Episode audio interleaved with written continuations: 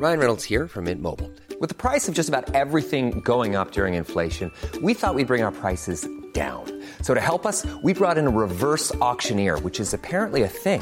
Mint Mobile unlimited premium wireless. Ready to get 30, 30, bit to get 30, bit to get 20, 20, 20, bit to get 20, 20, bit to get 15, 15, 15, 15 just 15 bucks a month. So, Give it a try at mintmobile.com slash switch. $45 upfront for three months plus taxes and fees. Promo for new customers for limited time. Unlimited more than 40 gigabytes per month. Slows. Full terms at mintmobile.com. Hiring for your small business? If you're not looking for professionals on LinkedIn, you're looking in the wrong place. That's like looking for your car keys in a fish tank.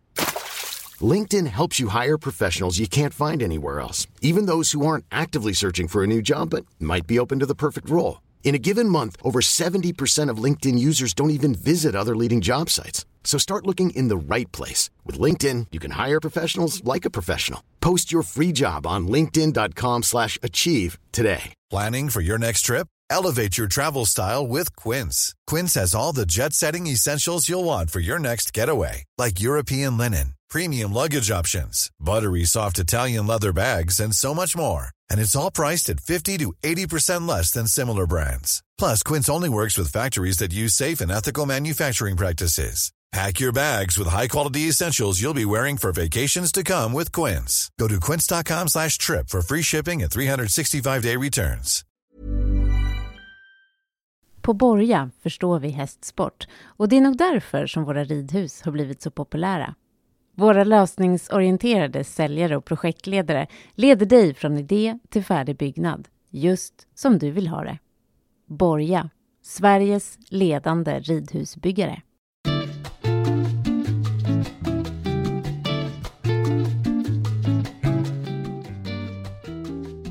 Välkommen till Ridsportpodden Sommarspecial.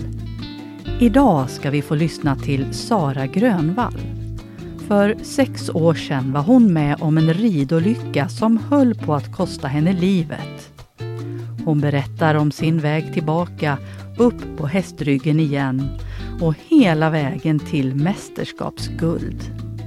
Varsågod, Sara Grönvall.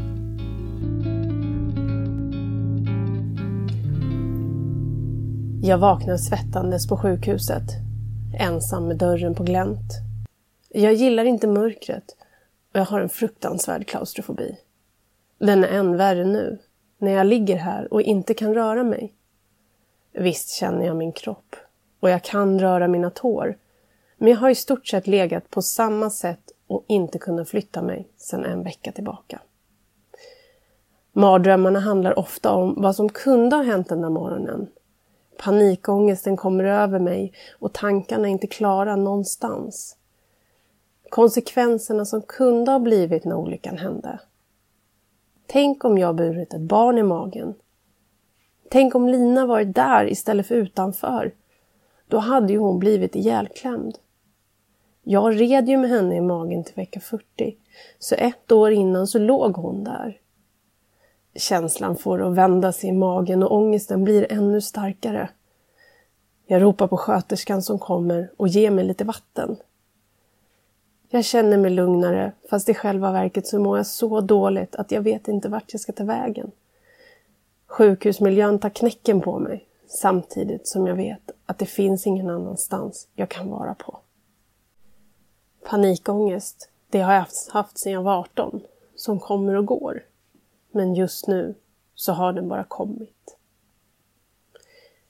Idag är detta sex år sedan, men känslan finns där fortfarande. Mardrömmarna hänger med mig än idag och ångesten som jag lärt mig hantera när känslorna kommer över mig.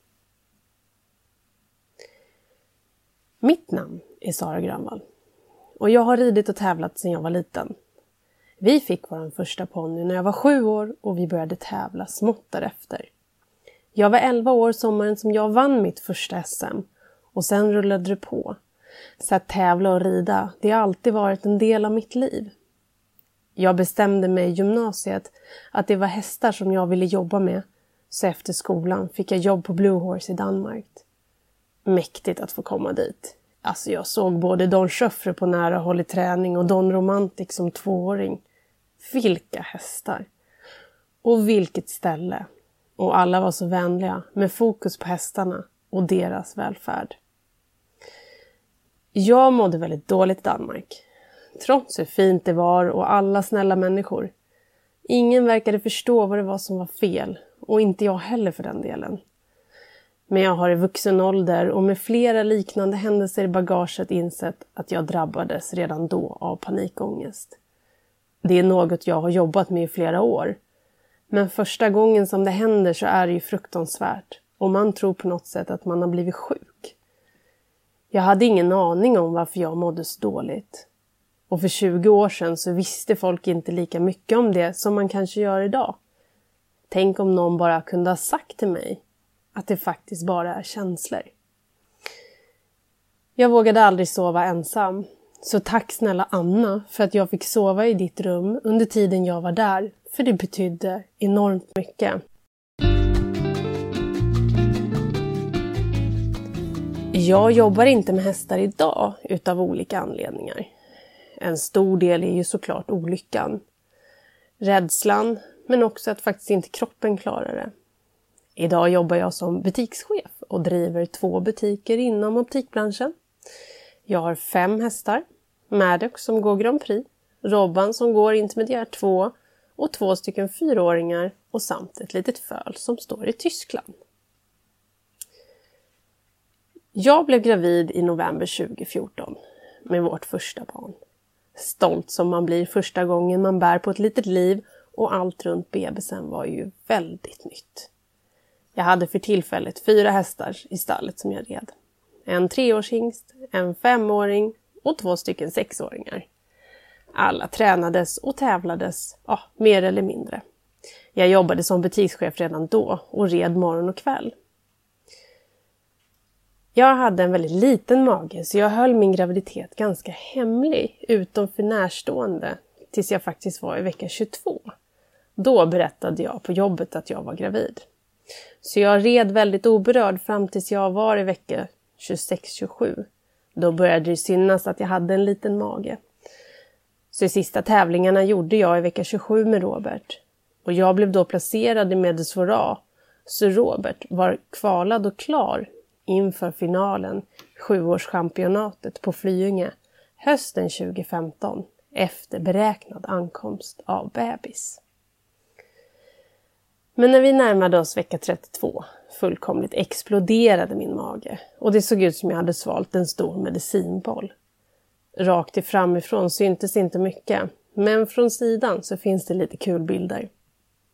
Jag minns bland annat en kund när jag jobbade som höll på att trilla baklänges när jag reste mig från stolen och sa ”Den där var man inte beredd på”. Jag tittade förvånat och tänkte han aldrig sett en gravid innan. Men jag tror han syftade på att det syntes inte i ansiktet eller över mina axlar att jag ens var gravid. Bara över själva kanonkulan till mage som syntes när jag reste mig från stolen. Elina föddes i augusti 2015. Mitt första barn. Hon med det stora det. Hon var smal som en tarm när hon kom ut och vägde 3050 men hon var 53 centimeter lång. Jag tror aldrig jag varit så trött i hela mitt liv som efter förlossningen. Och något som man gör frivilligt kan göra så ont. Det är helt galet. Jag satt och skrek på min man när han körde att han skulle köra försiktigt på vägen utanför Danderyd. För varje gupp gjorde så ont. Han sa att han minsann körde försiktigt. Men jag skrek, arg som ett bi var jag. Min kompis fick barn veckan efter och sa att även hennes kar kört för fort utanför BB. På samma ställe som jag satt och skrek vid. Sen fick vi höra att det visst var ett vägarbete där utanför med stora gupp i vägen. Så det kanske inte var våra karars fel denna gång. Förlossningen gick bra, trots smärtan. Kroppen höll hopp och jag kunde vara rätt normal en vecka efter.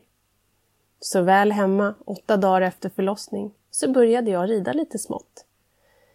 Jag tog det ganska lugnt med tanke på att man kan få komplikationer och kroppen inte är stark nog.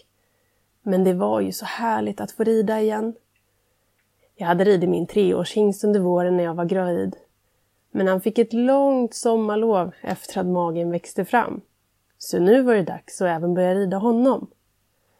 Så efter cirka två veckor red jag de hästar jag hade hemma. Robban tränades och gick flying i början på oktober. Lina var med och mormor var med. Det var ett pysslande då lilla fröken åt varannan timme dygnet runt. Så vi gjorde ett schema om hur det skulle ammas mellan start, framridning, knoppning och annat fixande. Men vi grejade det och Robban slutade sjua i finalen och vi var så himla glada.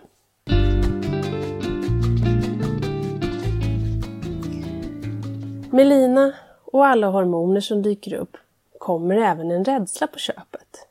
En sån där märklig rädsla man inte kan skaka bort. Det är som ett brev på posten och man vet helt plötsligt att man inte är odödlig. Man kan dö. Och det värsta av allt är att man kan dö ifrån någon.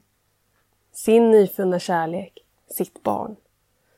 Den smått orealistiska tanken att man kan trilla ner i trappen och faktiskt dö från sitt barn. Eller kan man ens trilla ner i trappen och dö? Är det vanligt? Ja, vem har inte sett det på film? Morgonen den 30 tredje började ganska som vanligt. Jag vaknade, ammade Lina eftersom hon fortfarande tyckte att mamma var en mjölkmobil varannan timme trots att hon nu var åtta månader. Sen la jag henne och somnade om med Tim i sängen. Så jag kunde smita ut i stallet tidigt, släppa ut hästarna och ge dem mat. Ibland var jag så snabb så jag även hann mocka innan andra amning. Jag kom tillbaka in efter cirka en timme i stallet och tog hand om Lina och troligtvis så gav jag nog henne mat igen. Hon hade börjat äta lite vanlig mat då jag börjat jobba två dagar i veckan. Men så fort mjölkbilen var i närheten så var det bara det som dög. Så hon levde på mjölk, men hade lite smakprover på annat. Så efter amning försökte jag få henne äta lite mat, i alla fall smaka på lite mjukt bröd med smör. Men hon tyckte inte det var en hit. Så jag åt och bytte om till ridkläder istället. Jag hade bokat med barnvakten att komma för att passa Lina när jag red. Jag jobbade inte denna dag så då kunde jag passa på att rida alla hästar med lite break för amning hemma. Barnvakten kom och jag gjorde en överlämning och tyckte gott de kunde vara ute i det otroligt fina vädret. Det hade just blivit vår, solen lyste och himlen var klarblå denna förmiddag. Jag gjorde klar mina sista saker för att gå till stallet och börja rida. Jag började morgonen med att träna lite piaff med Robert från marken. Han gjorde ett fint jobb och efter så skulle jag rida min fyraåring. En elev till mig red sin sjuåriga vallack på banan samtidigt. Och eftersom han gick och, och krängde lite höger och vänster sa jag att jag kan rida honom om du vill. Och om du gör klart min fyraåring under tiden istället så kunde vi byta lite tjänster och på så sätt spara lite tid. Jag satt upp på honom mitt på kortsidan. Kortade tyglarna och skrittade ut mot långsidan cirka 40 meter. Där ser jag Maddox stå i hagen, mitt över. Jag hann lägga om skänken för att få honom att lugnt sätta benen under magen och spåra lite. Det är det enda jag minns att jag gjorde. Jag hade ju just suttit upp. Vi hade skrittat ungefär 40 meter. Det finns ingenting som talar om innan att han ska göra det han gör. Det finns ingen varning, inget tuggande till bettet, inga sura öron eller piskande med svansen. Men han kastar sig baklänges med mig på. Han är beredd att satsa sitt liv bryta sin nacke för att få av mig. Jag ser öronen i det blå vädret och jag känner kraften av att hästen inte står på den vågräta linjen man vill utan vänder sig rakt upp i luften och är på väg över åt fel håll. Känslan som infinner sig när jag vet att vi kommer gå runt Han kommer landa på rygg med mig under sig. Allt händer på en millisekund och trots det hinner jag tänka massor. Och jag tänker just Fuck, this is it. Jag kommer dö. Jag kommer dö ifrån Lina. Hon kommer bli lämnad utan sin mamma. Jag känner hur jag landar i sanden först. Ser hästen rasa mot mig och hör hur mitt skelett går sönder. Kraset kan jag fortfarande höra i mitt huvud och kraften som kommer när hästen landar över mig. Allt går så fort. Jag ser hästen springa iväg lika snabbt som jag såg allt hända. Och jag inser att jag lever så fort han reser sig. Och jag hinner tänka, jävla häst! Jag testar att se om jag kan resa mig eller flytta mig, vilket inte går. Så jag testar lite snabbt och ser om jag kan röra mina tår. För jag tänker om jag kan röra mina tår då är jag ju i alla fall inte förlamad. Smärtan som kommer är olidlig och jag fokuserar på att andas och inte gripas av panik. Jag ser min häst Maddox röra sig oroligt i hagen. Han frustar och reser sig lite och det ser ut som att han tittar på mig. Och jag tittar på honom och tänker varför red jag inte dig min fina vän? Det som just hänt har inte ens spelats upp i mina värsta mardrömmar. Och känslan av att Lina ska växa upp utan sin mamma fick just en verklighet. De orealistiska tankarna fick just sin rätt. Jag känner blodet pulsera ut innanför mina ridbyxor och känner rädslan komma krypandes. Det tar inte mer än tio minuter innan ambulans och strax efter helikopter kommer och tar mig till Karolinska sjukhuset i Solna. Jag har så ont just då att tårarna sprutar och även det morfin jag får tar inte bort smärtan. Även rädslan tar över totalt i helikoptern. Jag är så rädd. Det tar cirka 20 minuter till Karolinska med helikopter. Väl på Karolinska hamnar jag i stort sett direkt på operation. Röntgen innan för att konstatera varför jag blödde och hur många frakturer det var. Kläderna klipptes bort och frågor om allt möjligt dök upp. Jag tror det var säkert tio personer runt mig. Jag opererades direkt för inre blödningar i magen och livmodern under ett par timmar. Operationerna gick bra. När jag låg på uppvaket träffade jag Tim. Och det första jag frågade efter, det var min telefon. Så jag kunde ringa min chef och berätta vad som hänt. Och att jag inte skulle kunna jobba på ett par dagar. Men jag skulle säkert vara tillbaka nästa vecka. Tim svarade bara Jag har pratat med din chef redan, så hon vet. Ja, men vad bra. Då vet hon att jag blir borta någon vecka, säger jag. Tim tittar på mig och gud vet vad han tänkte. Jag trodde ju att jag skulle vara frisk by the weekend vid just det tillfället. A lot can happen in three years, like a chatbot may be your new best friend. But what won't change? Needing health insurance. United Healthcare Tri Term Medical Plans, underwritten by Golden Rule Insurance Company, offer flexible, budget friendly coverage that lasts nearly three years in some states. Learn more at uh1.com. This is Paige, the co-host of Giggly Squad, and I want to tell you about a company that I've been loving, Olive and June. Olive and June gives you everything that you need for a salon quality manicure in one box. And if you break it down, it really comes out to $2 a manicure, which is absolutely insane. It's also so easy to get salon worthy nails at home with Olive and June. The difference between how your nails used to look when you did them yourself and now with the Manny system is a complete game changer. The best thing about Olive and June too is it's a quick dry, dries in about one minute, lasts for five days, and full coverage in up to one to two coats. Visit oliveandjune.com slash perfect Manny 20 for 20% off your first system. That's oliveandjune.com slash perfect Manny 20 for 20% off your first system. I'm Sandra, and I'm just the professional your small business was looking for. But you didn't hire me because you didn't use LinkedIn jobs. LinkedIn has professionals you can't find anywhere else, including those who aren't actively looking for a new job but might be open to the perfect role, like me.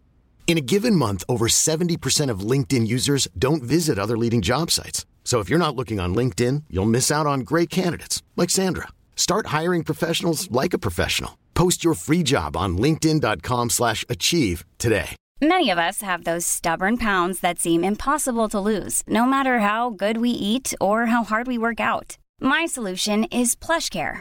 PlushCare is a leading telehealth provider with doctors who are there for you day and night to partner with you in your weight loss journey. They can prescribe FDA-approved weight loss medications like Wagovi and Zepbound for those who qualify. Plus, they accept most insurance plans. To get started, visit plushcare.com slash weight loss. That's plushcare.com slash weight loss. Hey, Dave. Yeah, Randy. Since we founded Bombus, we've always said our socks, underwear, and T-shirts are super soft. Any new ideas? Maybe sublimely soft. Or disgustingly cozy. Wait, what? I got it. Bombus. Absurdly comfortable essentials for yourself and for those facing homelessness. Because one purchased equals one donated. Wow, did we just write an ad? Yes. Bombas. Big comfort for everyone. Go to bombas.com slash ACAST and use code ACAST for 20% off your first purchase.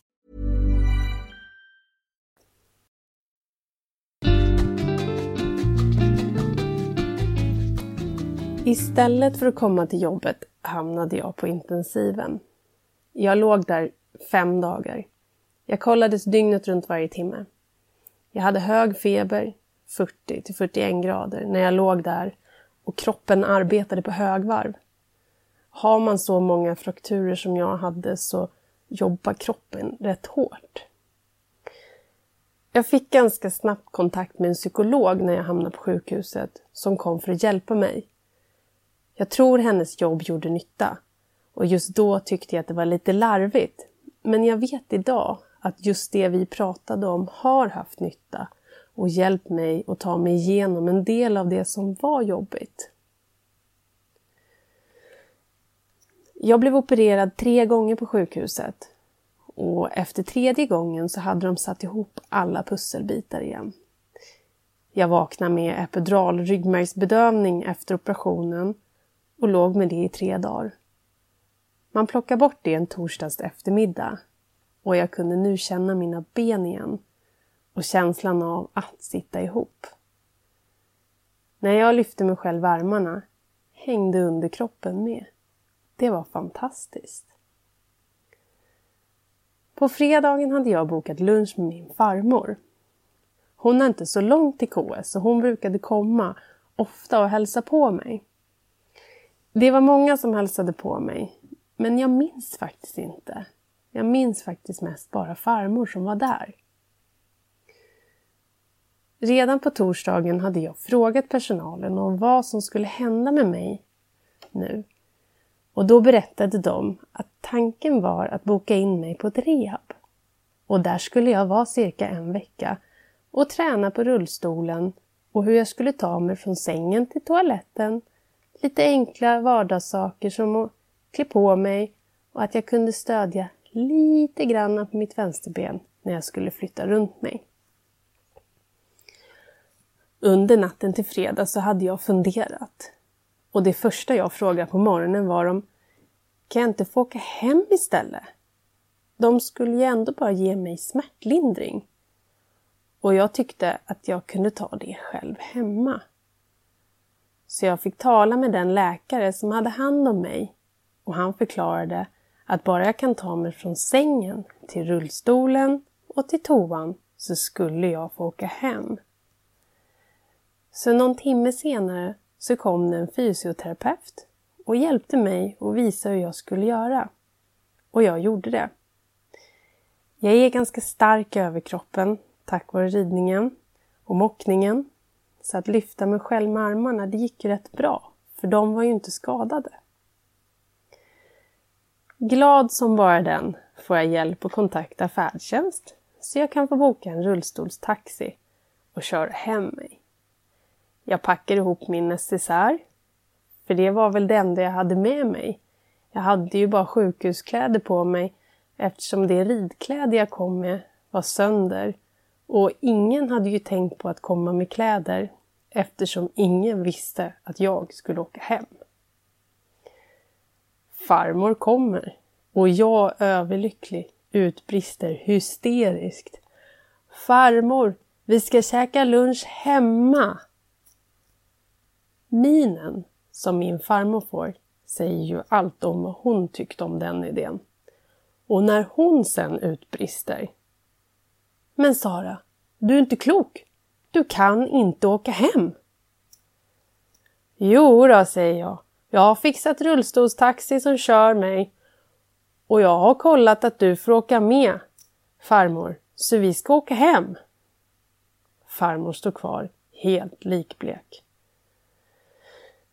Så den fredag eftermiddagen så tog jag med min farmor necessären och rullstolen och lämnade KS. Livrädd för att lämna tryggheten jag hade på sjukhuset. Men överlycklig att få komma hem till gården.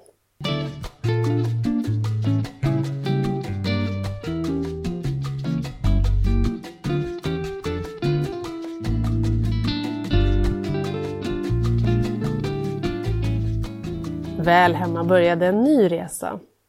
Jag mådde ganska dåligt psykiskt och jag ville inte gå hem till oss.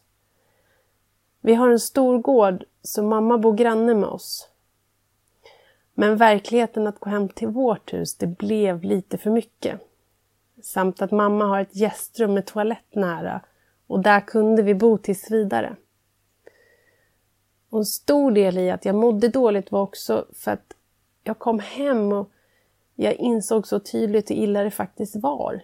Vilket dåligt skick min kropp var i och hur lite jag kunde och orkade röra mig. Jag kunde inte ens röra mitt högra ben utan hjälp från händerna.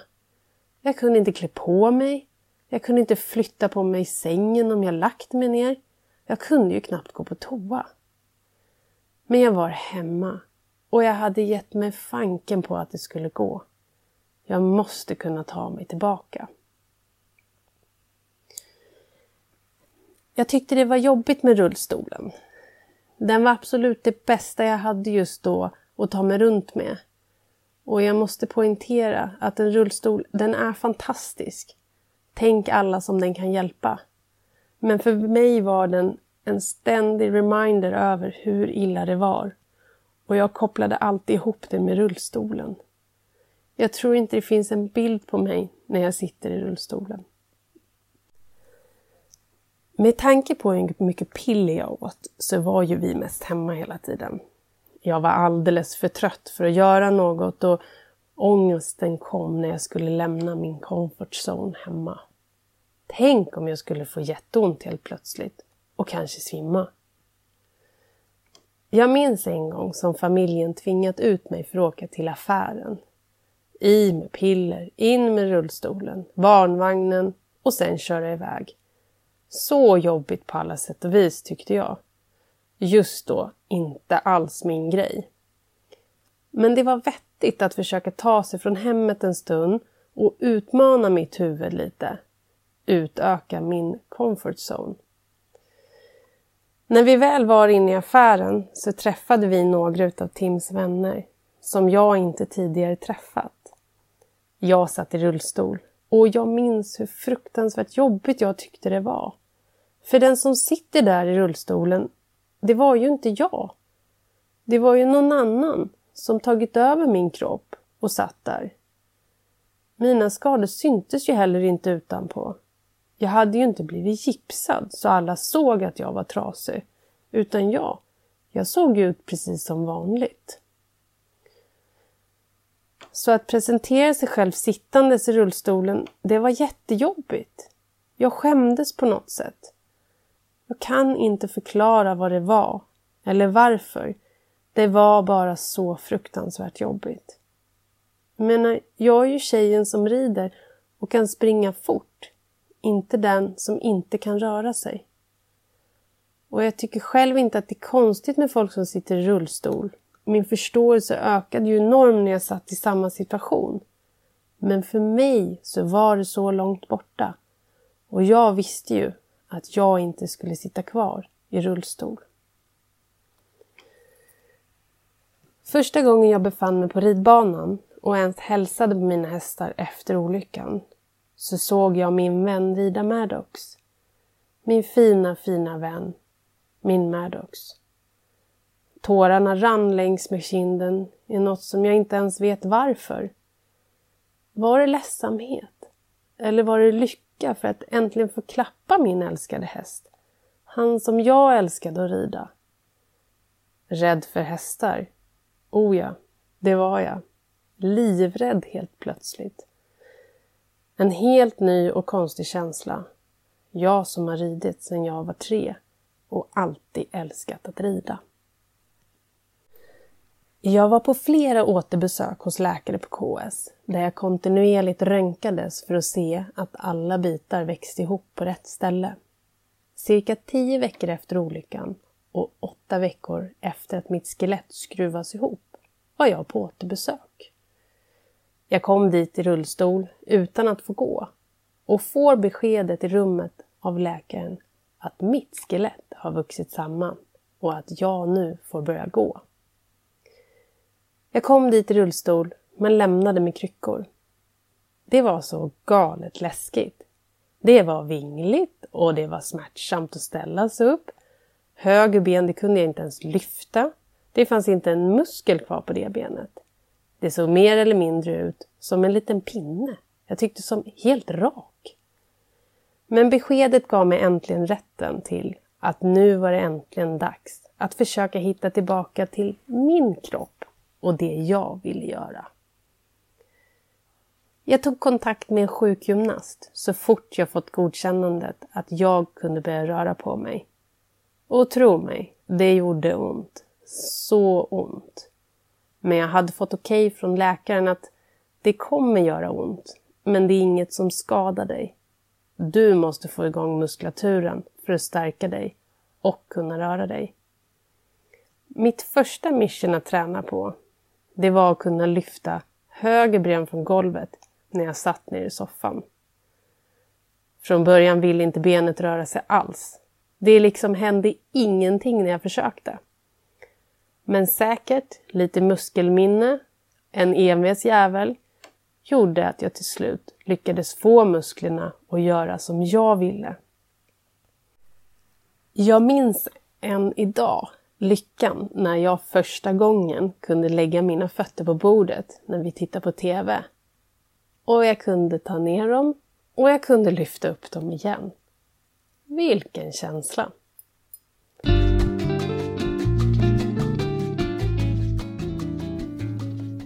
Från den dagen gick det lite lättare. Det gick inte snabbt. Jag började försöka att röra på mig så mycket jag kunde och som min kropp orkade. Lite mera varje dag. Sakta men säkert så föll bitarna på plats. Det gjorde ont, det gjorde väldigt ont. Stelheten, obalansen och ibland kändes det som att min kropp inte ville vara med mig. Jag försökte, men min kropp ville inte. Den var alldeles för trött. Jag kämpade verkligen för att få igång min kropp. Få bollen att ligga kvar mellan mina ben. Försöka klämma sjukgymnastens hand mellan mina knän. Få lite tryck i musklerna. Jag cyklade lite varje dag och försökte gå och småspringa till sjukgymnasten för att bygga upp styrka och kondition för de var helt obefintliga. Om man knappt kan ta upp benen på bordet, då kan ni förstå hur jag flåsade när jag skulle springa. Förutom Maddox så har vi ju även Robert som jag har haft sedan han var tio månader gammal. Robban, min Robert De Niro. Han som jag litade på och han som jag kände utan och innan. Min bästa vän. Han som vet alla mina hemligheter och är även idag den häst som jag saknar när jag åker iväg och jag älskar att tillbringa min tid med. Det var även han som skulle få bära mig första gången efter olyckan. Jag minns inte så mycket mer än att jag var livrädd trots att det var Robert jag skulle rida. Att sitta på en häst första gången efter olyckan, det var läskigt. Jag blev ledd av min vän första varven i skritt för att känna att detta var något jag ville göra. För tanken har slagit mig. Ville jag ens fortsätta att rida? Vi red en liten stund och jag kände att det var okej. Jag älskar min Robert och även om det var så att vi bara skulle skritta så var det okej. Jag fick ju i alla fall vara med honom. Jag försökte springa och röra på mig så fort jag fick chansen. Och sakta men säkert började jag rida Robert och Maddox igen. Det var en skräckblandad förtjusning varje dag och allt hängde ju egentligen på styrkan i min kropp. Desto starkare jag blev, desto mindre rädd blev jag och desto mer vågade jag rida. Det var också en kamp med smärtan, för det gjorde ont. Men jag visste ju att det var okej, även fast det gjorde ont. Det var egentligen bara att stå ut med smärtan. För ju mer jag rörde på mig, desto mindre ont gjorde det.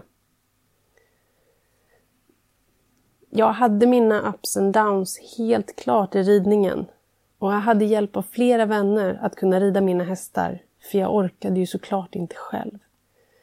Jag hade noll styrka i höger ben under lång tid och jag kunde inte rida så länge. Men jag tränade på och sakta men säkert hittade jag tillbaka till ridningen. Och redan i augusti tävlade jag igen. Robert gjorde personbästa i Sankt Georg och Maddox vann med B. Och då fortfarande med ett högerben som inte riktigt fungerade som det skulle. Men rädslan också. Fy, den hemska känslan som gärna smyger sig runt, lindar in sig i olika saker och den kan smyga fram när du minst anar det. Gud vad jag avskyr den. Den fanns redan innan olyckan när Lina kom. Men nu är den värre och på ett helt annat sätt. Jag avskyr att leda stökiga hästar över rädslan att få någon över, över sig. Hela min kropp känns stel och jag kan få ont i mina skador eller reservdelar som bäckenet skruvades ihop i. Det är helt galet, men det är som att kroppen knyter sig helt. Prisutdelningar har heller inte varit någon favorit. Så att man nu för tiden inte tar med sig hästen in är väldigt uppskattat från min sida. Så tänk att jag fick stå där överst på prispallen tillsammans med vårt lag, sällskapet Segersta sportryttare i somras och ta emot guldmedaljen i SM. Höra nationalsången och klappa min fina Maddox. Det är en sån där drömmig grej man fått uppleva som nästan känns omöjlig fem år efter att jag trodde att mitt liv var över. Och den som säger att dressyr kan vara som målarfärg som torkar. Har du aldrig sett en lagfinal i SM? Nervkittlande och med högsta spänning. Procenten går upp och ned beroende på minsta misstag.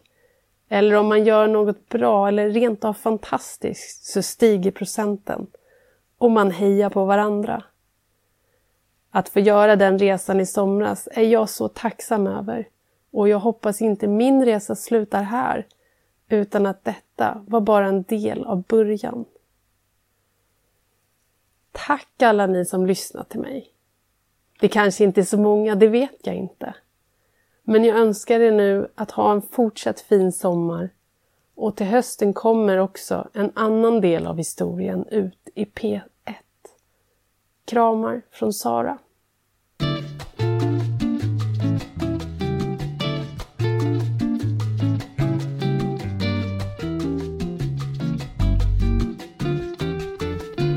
I Ridsportpodden Sommarspecial har vi lyssnat till Sara Grönvall som också var kandidat till lyssnarnas sommarvärd i P1.